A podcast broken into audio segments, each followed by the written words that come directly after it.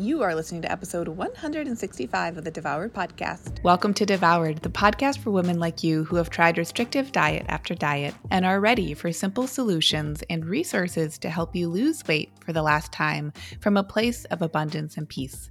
If you're looking to end the yo yo of comfort eating and rigid weight loss protocols and instead step into living your life on your terms while losing weight in the process, you're in the right place. Okay, party people, welcome to the show. I am going to be answering a question that I received over on Instagram. I posted a box where I asked, What could I help you with? And I received this really awesome question that I realized I haven't done a podcast episode on. But the question, which I'll read to all of you in a minute, is something that does come up in terms of coaching conversations and coaching sessions that I have individually with clients. It's a very common experience. So let me know, like, if this episode resonates with you, share that with me. I'd love to know. This is the question really resonates with me. It's something that I've experienced personally, and I wouldn't be surprised if many of you either have experienced this or have like shades of this question that have cropped up in your life before. So let me first off read the question. The question reads, one thing I'm curious about is how losing weight can feel vulnerable. I feel more seen when my figure is smaller, and that can be overwhelming. So I would love to hear your thoughts on that if you would like. Well, I would I would love. I would more than like feeling more vulnerable because you feel more seen, more exposed when you lose weight is a common experience. And this conversation that I'm going to have on the podcast is not, I never can I really ever say this means this and that means that. We all come to the present moment with our own lived experiences. So, for me, what might make me feel vulnerable when it comes to losing weight or having lost a substantial amount of weight the reasons that that might feel vulnerable to be in that body that has had that weight loss might be different than for someone else because of a robustly rich lived experience up until that present moment. So just know that this conversation it's open-ended. I have some thoughts, but it is not an end all be all. It can't be. Our human lives are too beautiful for anything to really be this is how this goes, that's how that goes, end of story. And that's quite frankly, like, if I'm being honest, that's why I talk about these subjects, is because when I started in nutrition, wouldn't it be so simple if we were to all learn some basics of nutrition and everything were really easy and it was done and like complete? And if you got nutrition coaching, then someone told you to do something and you would do it and it would integrate well easily and like well into your life and that was end of the story. But what do we know? I bet all of you who listen to this show know that there's something more to the subjects of nutrition, body image, body shape, body size, fitness, etc. There's more than just the tangibles. There are actually all those things that are intangible our thoughts, our feelings, our beliefs, our social structure, systemic issues, marketing, right? All these things that inform one another, community. So, let me start from a certain place with this conversation, and we'll see where we get to. so, what I'd first like to say is that if you've had the experience of losing weight and then things feel more vulnerable, where I first get my curiosity piqued as a coach, right? Like if I were to be thinking about what our conversation could be in a like a coaching session, my first question would be getting really curious about if there have been other experiences in someone's life where being seen was made out to be a vulnerable, exposing moment. And I'm going to fast forward because for some people they might say no, but for many of us, there are usually some pretty good reasons why our nervous systems do not feel safe when we feel more exposed. And listen, when you've lost weight, especially a substantial amount of weight, it is more exposing. We literally feel different in our bodies, and that's fine, right? That can just be a neutral thing.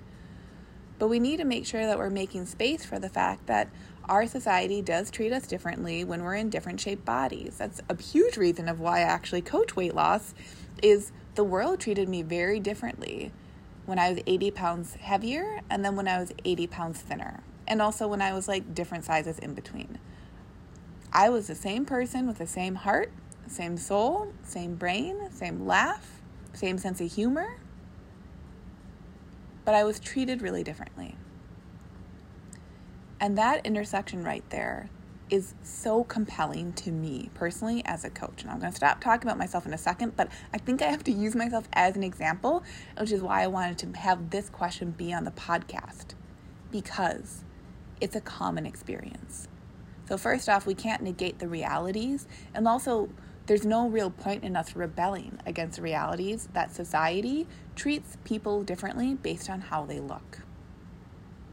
We're not trying to negate those realities here.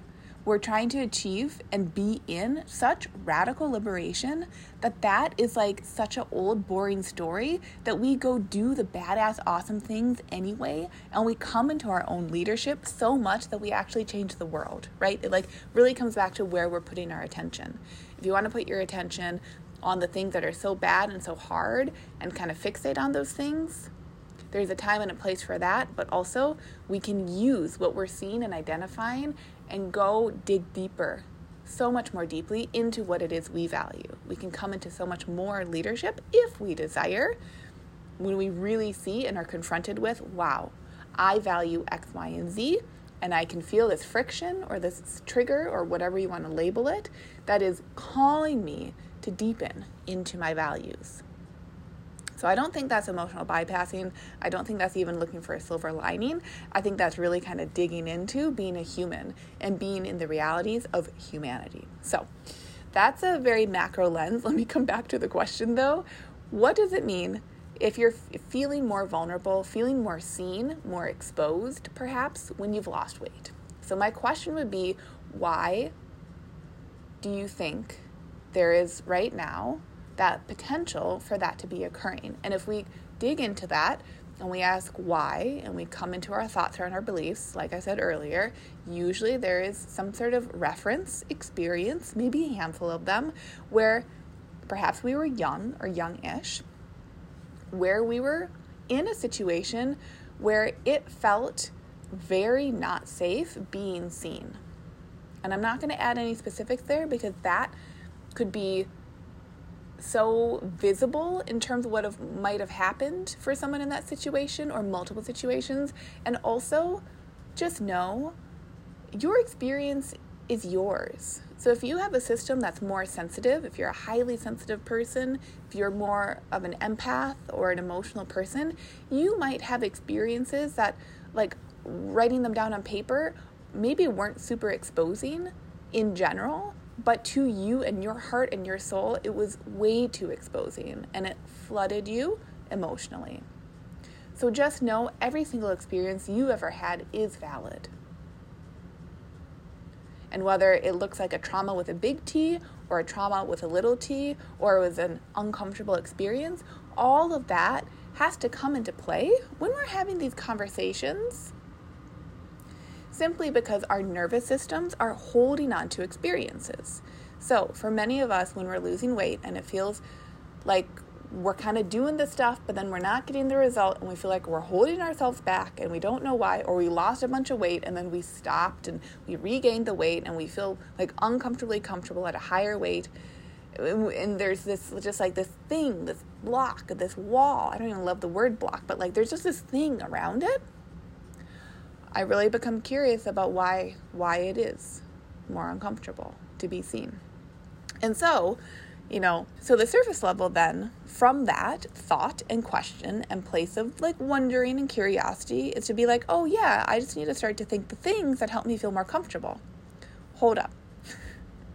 if it were that easy to change your nervous system's beliefs, then you probably already would have done it. And it's not hard, but it's just different. This goes back to the conversation between our analytical, logical brain, right? Analytical, logical says just think a better thought and things will be better. But we know that we have this emotional, creative brain that needs a difference. It like has its own logic, it has its own emotional code, and we have to honor that too. That gets to be a great thing. So know that when our nervous system feels safe or unsafe, it's literally trying to protect us.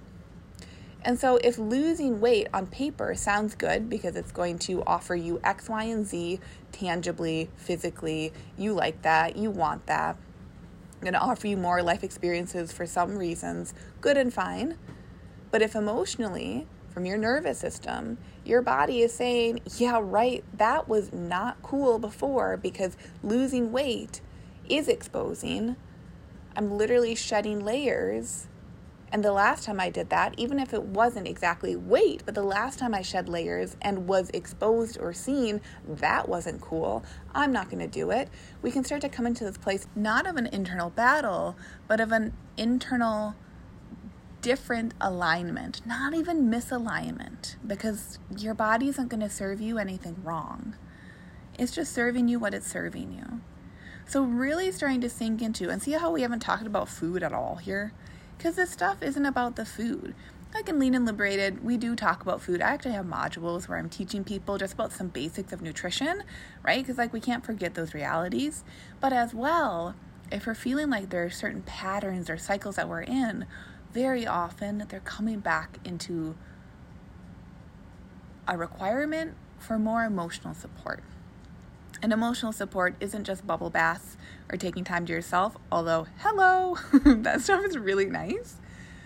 It's about the feelings that we're experiencing and the feelings that we might not feel ready or safe to experience. You know, a lot of women, when I'm chatting about, like, well, how do we add more pleasure into your food experience? How do we add in more peace, more contentment?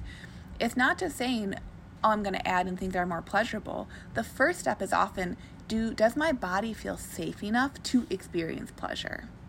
And we've got to do the work there to set that really solid foundation so that then not only can we think of and cognize what pleasure is and what's pleasurable for us, but then we can pursue it without that boomerang effect of saying like whoa too much pleasure in my nervous system last time i experienced pleasure. Something felt weird and there was an association there that isn't so good and groovy.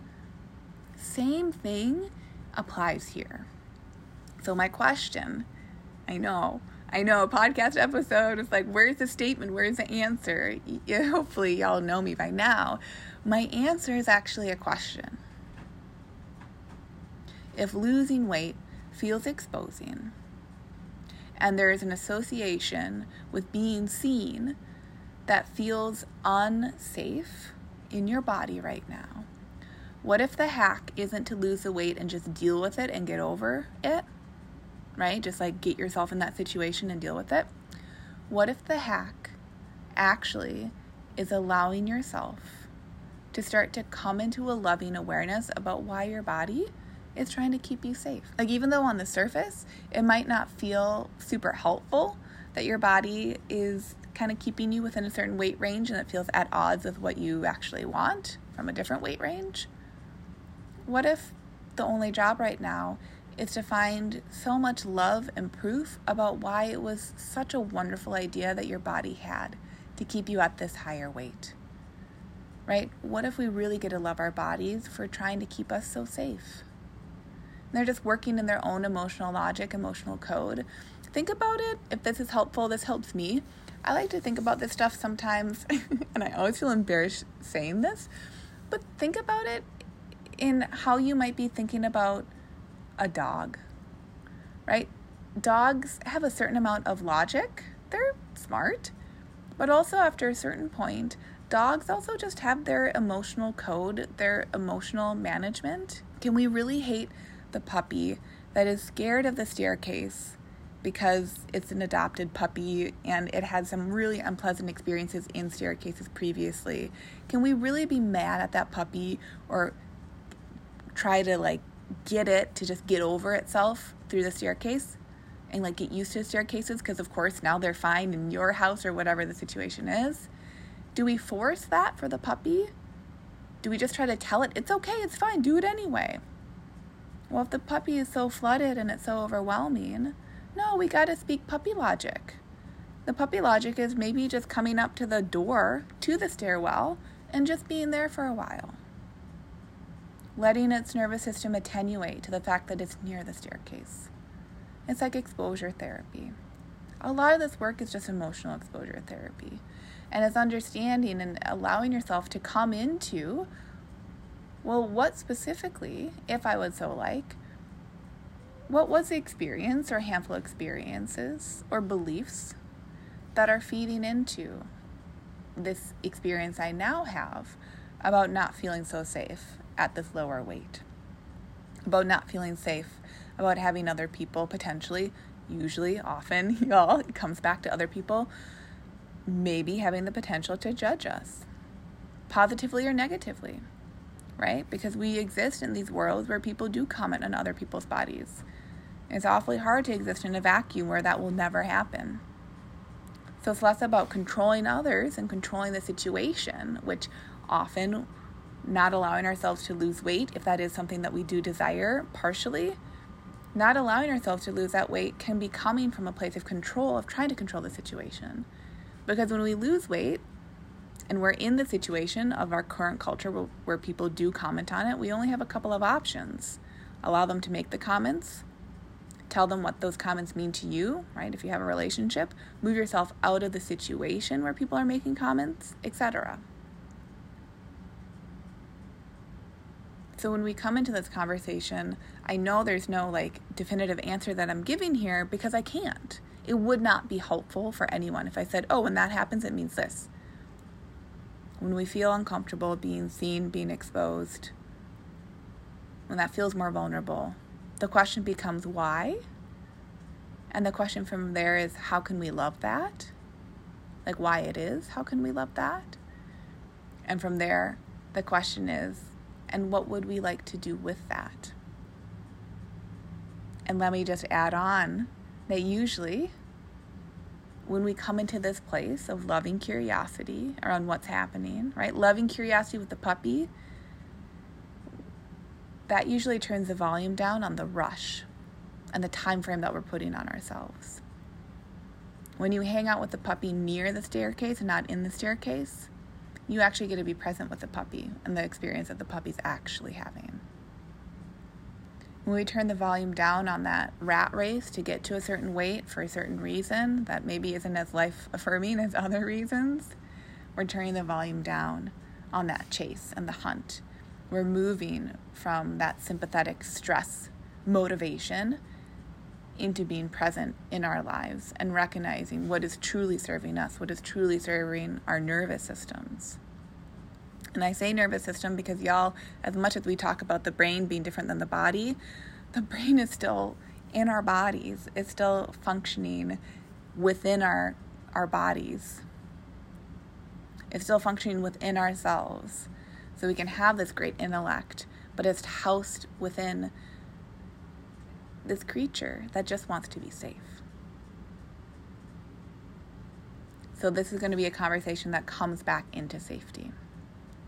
I hope that there were some parts of this episode that not only resonated with you, but that you were able to take away and offer to yourself. You know, if you've been here for a while, I know that you probably hear me offer like pieces of homework I want this to be more of an intangible conversation today. It's more of like a pondering, again, that curiosity of just being with ourselves, being with the puppy. This week, would you like to be with a puppy? Not forcing it to do anything, offering it something that is towards what it might be, but not having to be the thing. When we don't rush the puppy and we allow the puppy to just be, then we can truly experience the full experience of being with that puppy in the moment. Thank you for such a wonderful question. And I really hope that this episode was helpful as just a doorway into these subjects of where we could go instead of feeling like it has to be this and that. Make this happen, then that will happen. If X, then Y. Our humanity is so dang rich that I think the curiosity and coming into curiosity, allowing that to be a safe process without an agenda, just getting to be. Gosh dang it. I think that is one of the most loving things that we can offer to ourselves, no matter what. So I hope this episode found you all so well. I hope you get to marinate on some of what was offered here. If it brings up questions for you, if you journal on some of what these subjects are, if this was compelling to you and you want to share it, go ahead. Let me know that you're doing that. Tag me over on Instagram. Let's be in conversation. I'm here. There's no rush to this. When we're building life, well, we're building it for the purpose of life, and that's it. It gets to be so simple. So, thank you all, and I'll see you all on the next episode. Did you know you can find more support from me on my website? Go to Lucia Hawley, L U C I A H A W L E Y dot com to connect.